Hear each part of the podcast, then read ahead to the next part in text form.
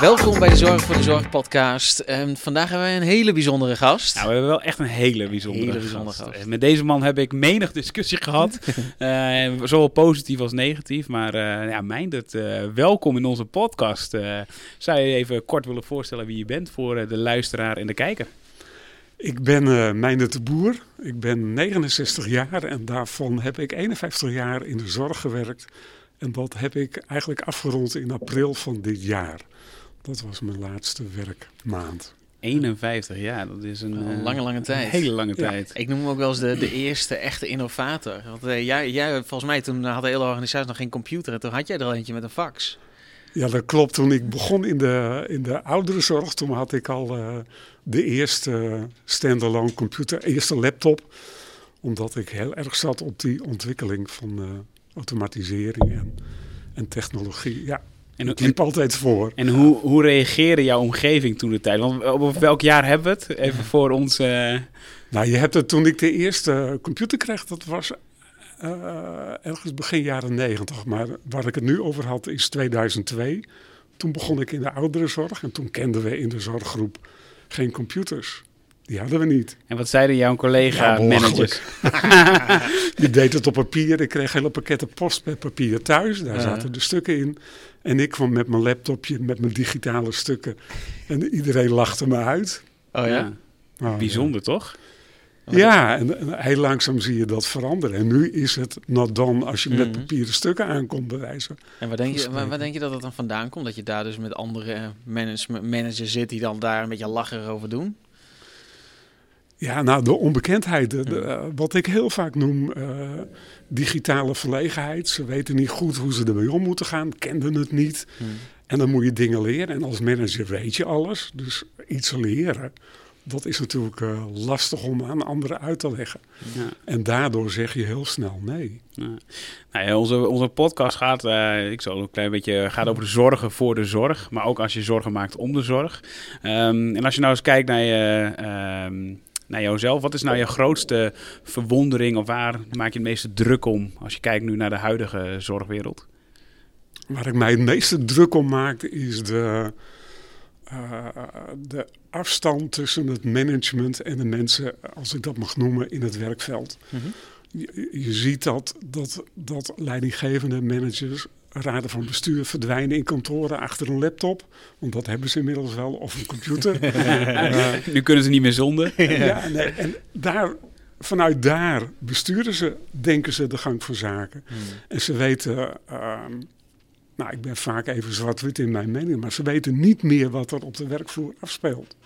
En ze hebben helemaal al geen feeling meer waar de echte problemen liggen. En daar, maak ik, daar heb ik me altijd druk om gemaakt. Ja. Want, want hoe, hoe doe jij dat dan in je werk eh, samenleven? Dat, dat je die feeling en die connectie houdt met de werkvloer? Ja, ik heb me daar natuurlijk ook wel schuldig aan gemaakt. Maar ik heb ook wel heel vaak eh, eh, eh, geprobeerd elke dag eh, bij het koffiedrinken te zijn. Of bij het eten met het personeel. Ja. Of bij het eten met de klanten. Eh, want in die teamposten hoor je eigenlijk waar het echte werk hapert. Of waar het wel of niet goed gaat.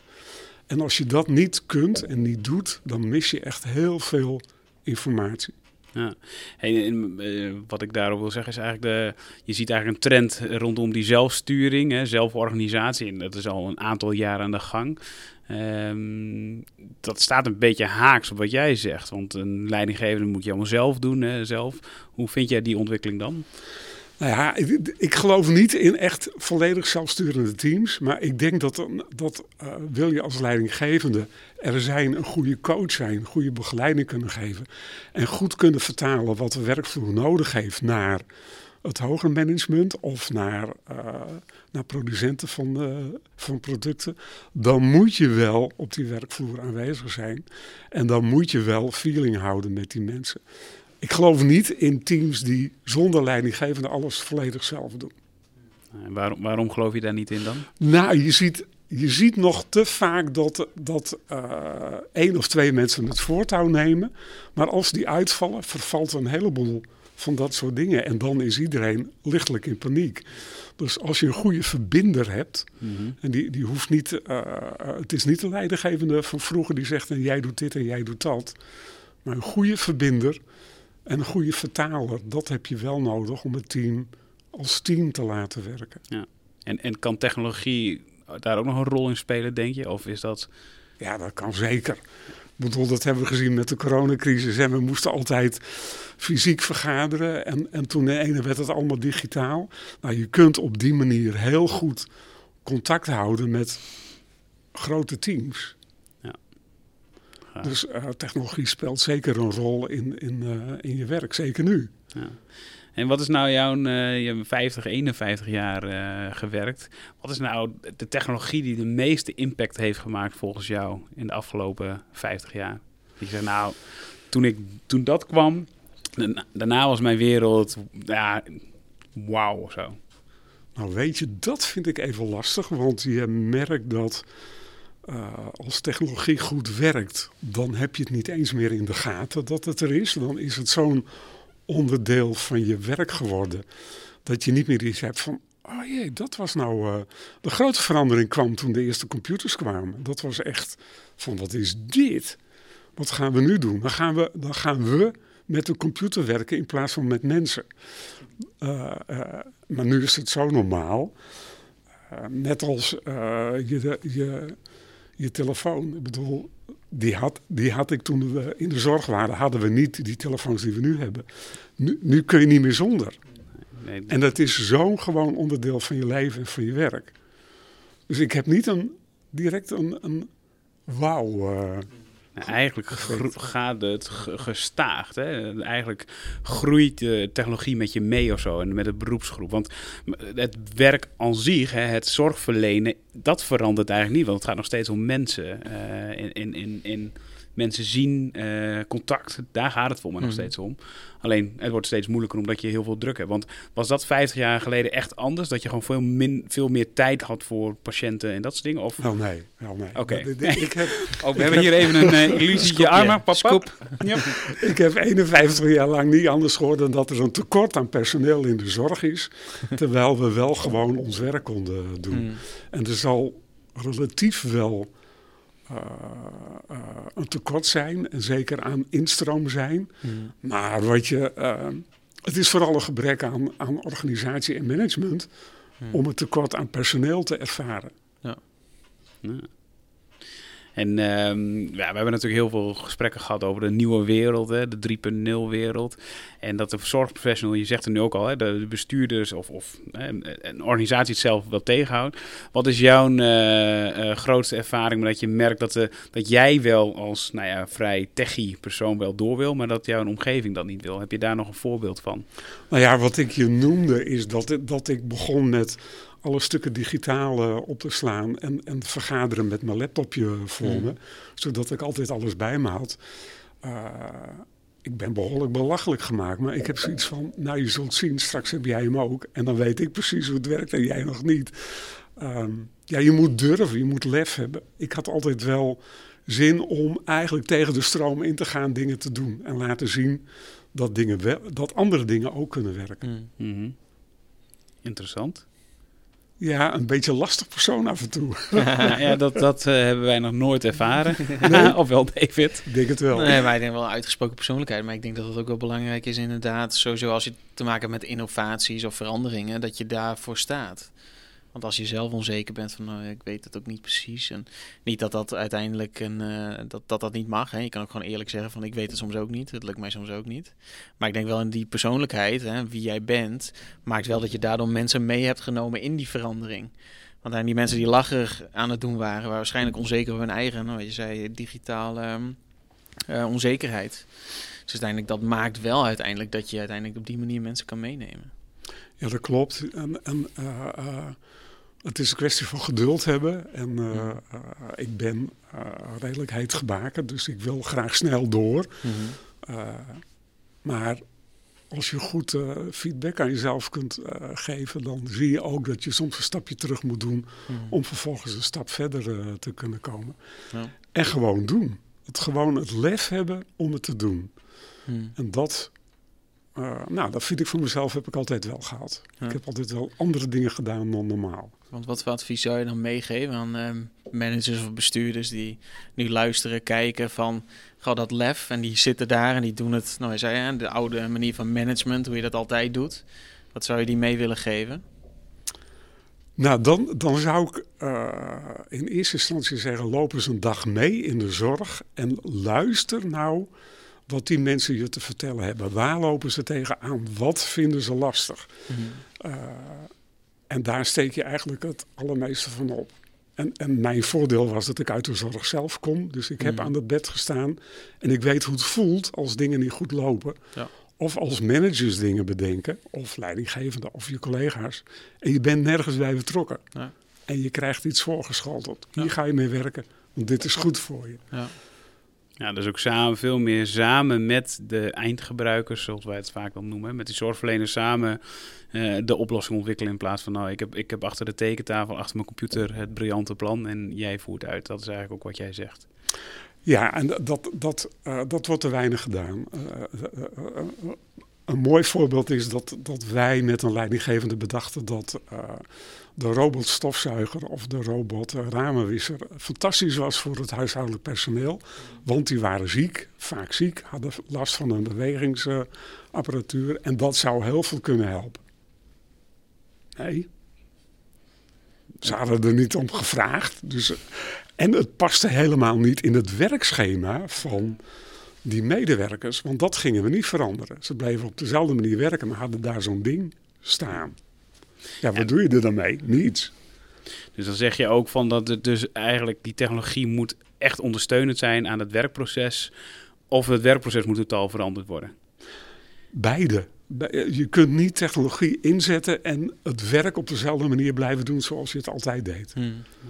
Als, je, als je niet bereid bent om ook uh, dat wat je doet kritisch onder ogen te zien en dat te kunnen aanpassen uh, met behulp van technologie. Hmm ja, dan, dan, dan heeft technologie ook echt geen zin. Dan hoef je niet eens uh, in te brengen, want dan staat het ergens in een hoekje. Ja, dus uiteindelijk zeg je die veranderopdracht voor een organisatie, voor een afdeling, voor medewerkers is veel belangrijker dan maar die technologische innovatie achterna jagen en gaan implementeren van deze technologie is het, dat maakt het beter. Dus echt die veranderopdracht. Maar hoe zie je dat dan voor je? Hoe krijg je uiteindelijk zo'n organisatie of mensen van zo'n afdeling, krijg je die dan mee in die, die, die verandering van het werkproces?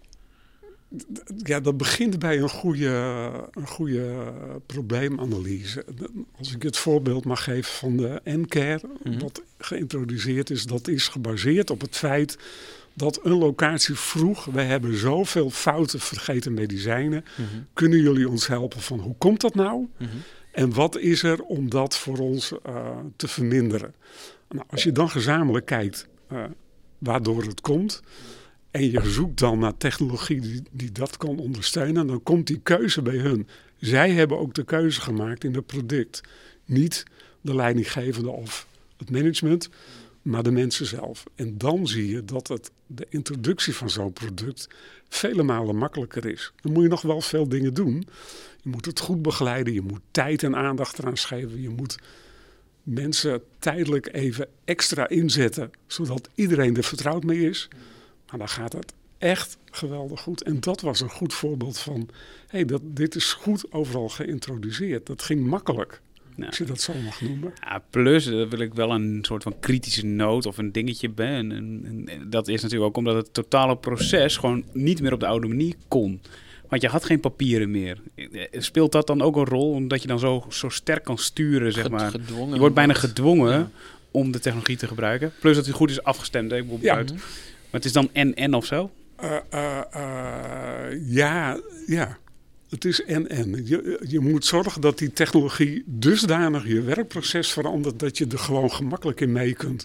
Ja. Maar als het mogelijk is met technologie inzetten om het oude werkproces voor te zetten, dan zie je dat het oud werken de overhand neemt. Want dat kennen we. Mhm. En dat is makkelijker om te doen. Ook al kost het je meer tijd. Hè? Mm Want dat is interessant wat je zegt. Hè? Dus je zegt uiteindelijk, hè, als er meer tijd is voor die medewerker om hè, daar met die technologie aan de slag te gaan. Maar dat is op dit moment volgens mij echt waar het, waar het wringt.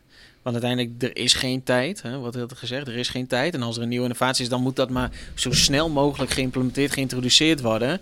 En eigenlijk een uurtje en dan morgen moet er al mee gewerkt worden.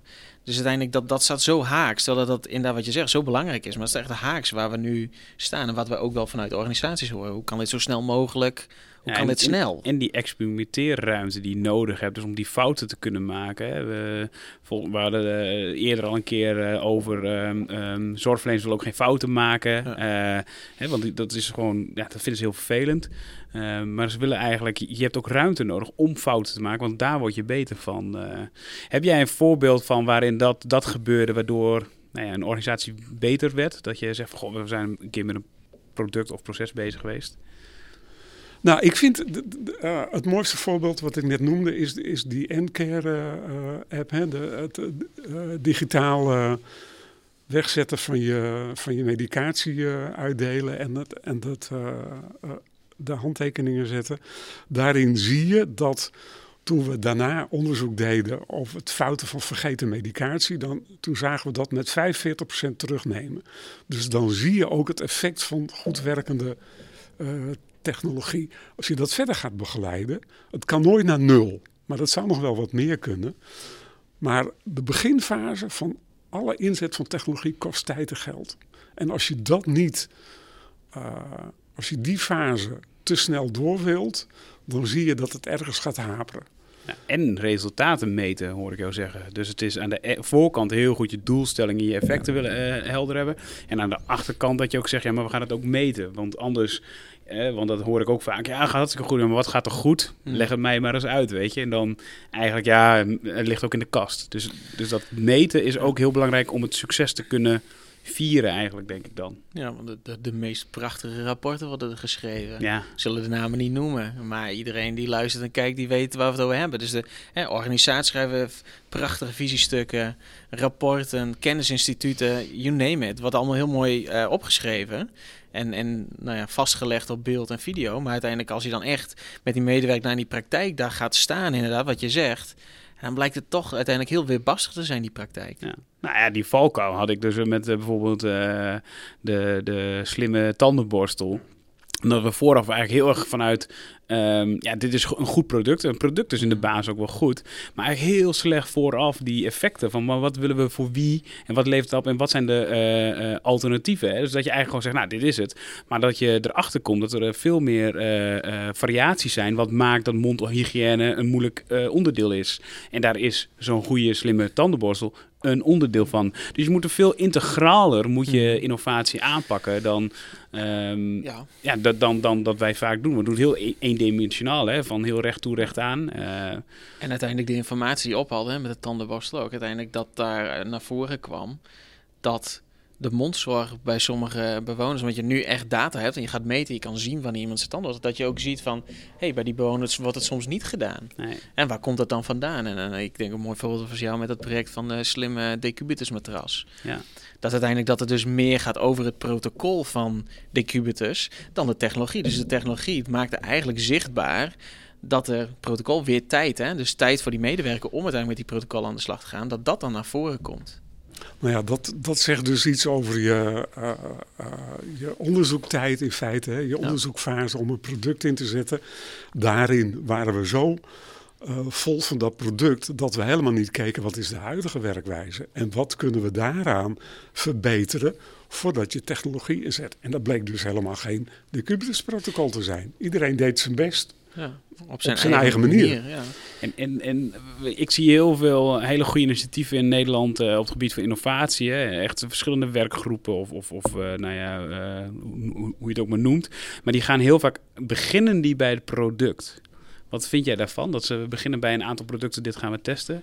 Wat zou, ja. wat zou, je, zou ik het anders zeggen? Wat zou jouw advies zijn aan deze groepen mensen?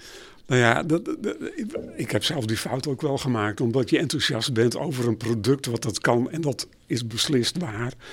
Uh, wat mijn advies zou zijn, ja, begin niet bij het product, maar begin bij de mensen. Ga met de mensen in gesprek en, en kijk welke, uh, waar lopen ze tegenaan. Focus je niet op de technologie, maar op, op de functionaliteit van die technologie die een probleem kan oplossen of niet. Ja. En welk probleem los je dan op? En dat moet je heel helder hebben. En dat kost, eh, dat is even een fase die tijd kost. Want in de zorg zijn we niet anders gewend dan probleem, hup, actie. En dan komen we het volgende probleem tegen en dan hup de volgende actie. Maar dat echte probleem pakken we vaak niet aan. Wat Ja. ik vaak zeg met hoofdpijn. hè, Je bent heel geneigd bij hoofdpijn paracetamol te nemen. Maar waardoor die hoofdpijn komt, dat weten we niet.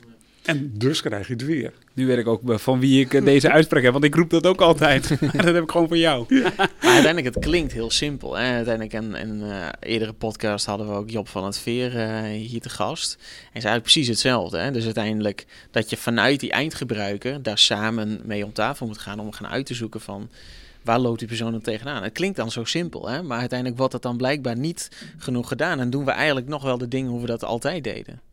En uiteindelijk, wij hebben natuurlijk ook een methode hè, vanuit ons eigen bedrijf gevonden van een design lab noemen wij het dan. Dus echt met die eindgebruiker gaan zitten, om tafel of in de praktijk meelopen. En niet vanuit technologie. Hè? Dus uiteindelijk, dat is altijd wat wij dus niet te doen. Dus dat je niet met technologie komt aan en zegt, oh, hè, dit is de casus, dit is uiteindelijk waar, waar het niet goed loopt. En oh, dit zijn de drie eh, eh, technologieën, zoek er maar eentje uit of hier gaan we aan de slag. Nee, maar hoe ziet jouw leven eruit? Hoe ziet jouw dag rondom dat, die, die problematiek, hoe ziet die eruit? Ja. En wa- wat heb je daarin nodig? En dan later komen we wel bij technologie, maar het kan ook zijn dat we niet bij een technologie komen. Ondanks dat we een innovatiebedrijf hebben in de technologie, is dat het niet altijd zo is dat het maar technologie moet zijn. Ja, maar ik vind, ik vind dat wat jij dan zegt van... Hier aan tafel zijn we het echt wel eens altijd, eh, of meestal, over... We moeten vanuit die eindgebruiker ont- ontwikkelen. Mhm. En ik zit ook bij heel veel landelijke tafels... eh, waar eh, nou, ja, heel veel mensen zitten en we zijn het er eigenlijk altijd eens. Maar toch lukt het ons niet in de praktijk om altijd dat denken... zeg maar ook nou ja, eh, in de praktijk echt te brengen, zeg maar. Heb jij daar een, een, een oorzaak voor dat je denkt van, goh, dat ligt hieraan? Of, want je zei net al, mensen moeten wat meer lef tonen en de ruimte bieden om te experimenteren. Maar wat, wat gebeurt er dan op het moment dat ik weer terugstap in zo'n organisatie? Je hebt veel ervaring. Ja, wat je, wat je voornamelijk ziet is, is die sterke drang naar hiërarchie. Hè? Dat, dat, dat eh, in de zorg eigenlijk alles van bovenaf geregeld is. Was het niet je leidinggevende, dan was het wel een dokter die eh, vond van nu moet de zuster dit doen. Eh, die, die, die denktrend is er nog heel erg. Als je in een organisatie binnenkomt, dan moet je je vaak ook eerst melden bij een leidinggevende voordat je met een medewerker mag praten. Waarom? Mhm. Die heeft toch een mond, mag toch zelf praten. Mhm. Maar dat is zo verweven in ons systeem. En daarom wordt het zo moeilijk om vanuit die werkvloer de dingen op te zetten. En hoe komt dat dan? Is het dan, eh, ik kan gewoon open vragen, maar is dat dan uiteindelijk omdat we hè, semi-overheid, we hebben een eh, minister eh, van eh, Volksgezondheid, dat is onze opperbaas om zo maar te zeggen, alles wat we doen in de zorg. Is dat uiteindelijk dat het, omdat het zo gestuurd is, overheidsgedreven, dat het zo hiërarchisch naar beneden gaat? Of ja, ik, ik weet het niet hoor. Heeft zo-. Ja, dat heeft er zeker mee te maken. Je geldstromen, hè, en de, Mhm. hoe je geld binnenkrijgt, hoe je je zorg altijd hebt georganiseerd, hoeveel controlemechanismen erop zitten. Eh, dat Ja. maakt allemaal dat je, dat je moet doen, moet doen, moet doen. En dan heb je geen tijd voor andere dingen. Ja, het is vooral voor naar buiten toe, denk ik heel vaak, dat je moet aanleveren voor de verschillende overheidsinstanties. Hè, de, de, de lijstjes, om het zo maar te zeggen. Dat maakt natuurlijk dat een organisatie zich daar dan heel op richt, is mijn mening. Maar ik denk dat ook heel erg, als we echt gewoon naar het verleden kijken, echt naar, naar nou ja, begin van arbeid, eh, wil ik niet zeggen, maar de laatste honderd jaar, Mhm. zijn we natuurlijk vanuit het fabriekswezen steeds meer eh, richting een model gegaan waarbij het heel goed werkte. eh, om een leidinggever die jou vertelde. Maar de, de huidige wereld, in, die is echt veranderd. Hè? De jongeren zijn alweer eh heel anders dan dat ik ben. Eh, en jij, je, wij, hier- tussen ons zit al een verschil. En nu komt de vraag voor jou. Wat, hoe zie jij, hoe ervaar jij dat? Al die verschillende, de, ehm, eh, hoe heet dat? eh, Lagen, lagen, maar ook de mensen Politieke die- belangen, eh, financiële geldstromen. ja, maar ook de, ook de, de verschillende, de, de jeugd die in de Verschillende X en de generaties. Ja. Ja, dat, dat- Hoe ga je daar nou mee om? eh, ehm, met die jonge mensen. Ik denk, eh, ik vind dat je eh, open moet staan voor alles wat er gebeurt. En dat eh, zowel in mijn generatie, die heel anders is opgevoed en heel anders gewerkt heeft. Maar dat je wel kritisch naar jezelf moet kijken. Doe ik nog de goede dingen? En, en ik vind dat er toen jullie binnenkwamen, nou, het voorbeeld David, toen jij binnenkwam, uh, waren we gewend aan uh, stagiaires die deden allemaal opdrachten voor ons. En we hadden een heel lijstje van dat ga je doen. Waarop jij zei, nou dat ga ik niet doen. Ik heb een andere opdracht en ik, die, die doe ik. Daar moet je mee om kunnen gaan. Als je dan in een, in een autoriteitsconflict komt, dan is zo'n student gauw weg. Maar als je dan even kijkt en denkt, hé, hey, daar zit wel wat in. En je ziet het resultaat uiteindelijk. Ja, dan moet je voor openstaan. En dat moet je kunnen. En dat is niet voor iedereen weggelegd. Soms duurt het wat langer. Ik weet nog dat, dat jullie met de skippiebal door het uh, hoofdkantoor uh, uh, gingen. En dat een heleboel mensen die daar werkten zeiden, ja dat kan niet. En nu hoor ik ze zeggen, ja dat was toch eigenlijk wel goed. Even een ontspanningsmomentje. Ja. Dus je hebt, je moet de tijd gunnen en, en je moet de ander ook wat gunnen. Ja. Want er zitten goede dingen bij de jeugd, maar ook goede dingen bij ja. de ouderen. Nou, dat is het ook. Het is die verbinding ook. Hè? Is al was een tijd terug ook een keer een gesprek met een, uh, nou, uh, iemand ouder dan wat ik ben. En die zei op een gegeven moment ook, ja, we kunnen gewoon van elkaar heel veel leren. En, mm. en, dat, en, dat vraagt ook iets van ons jongeren mm. om open te staan voor het verleden. Hè? En, en, in het verleden ben, ging ik zelf ook heel snel erover. Ja, maar uh, dat was vroeger. nu we zijn hier. Terwijl dat je daar kun je ook heel veel van leren. Dus dat is wel hele mooie dat je dat ons ook meegeeft van ja. die verbinding te blijven zoeken. Wat gewoon soms heel, heel lastig is. Ik heb wel eens het gevoel dat ik Chinees praat. Ja, en, ik, en ik denk ook uiteindelijk wel dat deze te technologische verandering, revolutie waar we in zitten, is zo hard gegaan. Hè? Dus uiteindelijk verschillende generaties, wat jij zegt. Hè? Dus een generatie groeit op met TikTok. Uh, terwijl een andere generatie, die wat de ouders, die zeggen, ja, maar TikTok dat is veel te nieuw, want uh, YouTube. Terwijl de andere generatie zegt, nou, doe mij nou maar het kastje met televisie kijken. Dus uiteindelijk, ik denk, hè, wat er allemaal om ons heen gebeurt, het gaat zo hard dat er ook een hele grote kloof zit tussen een jongere en een oude generatie. Omdat uiteindelijk die jonge generatie komt wel mee. Een oude generatie vindt dat nog best wel lastig. En hoe vinden we elkaar daarin? Dat we elkaar blijven ondersteunen en vinden. Want ja, we moeten wel met z'n allen die zorg een stukje beter maken. En dat moet de jonge generatie vooral doen. Omdat er ja. een hele grote uh, uh, zilveren tsunami aankomt. Dus uiteindelijk, hè, die zal het zwaarder moeten dragen. Maar we moeten het wel met z'n allen doen. Dus we moeten van elkaar leren en manieren vinden om dit te gaan doen. Ja, en ik vind ook, uh, uh, in, ja, inderdaad, maak gebruik van uh, elkaars expertise. Mm -hmm. En, en schrijf ook die ouderen niet zomaar af. Ik bedoel, toen ik tegen de 60 liep, hè, toen, dan begint iedereen te vragen wanneer ga je stoppen met werken. Nou, dat was ik absoluut niet van plan. ik ben zelfs na mijn pensionering opnieuw begonnen ja. om in de technologie mijn sporen te verdienen. En ik denk van uh, bevorder dat. Als we het hebben over tekort mensen in allerlei sectoren, dan zie je dat we nog steeds bezig zijn mm -hmm. met mensen die tegen de pensioen aanlopen, die gaan weg. Ja. En, en het is lastig kennelijk om oudere mensen uh, in dienst te houden. Ja. Terwijl ik dat niet zo. Nee. Ik vond het fantastisch. En nog steeds, hè, volgens mij, wat je zei, hè, je wil nog graag wel ondersteuning bieden. Ondanks dat je inderdaad met pensioen bent, bij een organisatie weg bent. Hè, alles ligt nu open. Um, dus uiteindelijk hè, wil je nog best wel tijd in. Hè, niet zoals fulltime zoals vroeger, gewoon volle bak. Nee. Maar wil je best wel je kennis en expertise nog delen. Um, daarom leuk goed dat we jou uh, uh, LinkedIn uh, even in de, in de titel doen en in de beschrijving. Want uiteindelijk, je wil nog wel. Alleen het systeem is dus opgebouwd, eigenlijk leeftijdsdiscriminatie. Van nee, maar jij bent gepensioneerd, dan, dan kan dat niet meer. Terwijl uiteindelijk, hier zit de kennis en expertise. En dat wordt op dit moment niet benut. Ja, ja, ik vind het ook prachtig ook gewoon wat jij allemaal meeneemt aan ervaring. En, ja. en ook dat helpt volgens mij ook de jonge generatie om uh, nou, goede afgewogen keuzes te maken. Hè? Van oh, dit ja. werkt wel, dat werkt niet. En je hebt toch wel die ervaring. Dus, en het begrijpen uh, van andere werelden, dat heeft mij al enorm ja. geholpen met dat wij samen hebben gewerkt als collega's. Dat jij wel die oude, de, de oude wereld, de oude wereld begrijpt en dat kan doorvertalen naar mij. Terwijl ik soms, ik zie dat niet, omdat ik niet die 51 jaar ervaring heb. Ja. Nee, maar dat gaat vooral, ik denk, uh, behalve de ervaring die je er meeneemt, is, uh, ging het ook vooral om, of gaat het vooral om dat je open staat mm. uh, voor anderen. En dat ik niet de wijsheid in pacht heb, maar wij met z'n allen. Ja.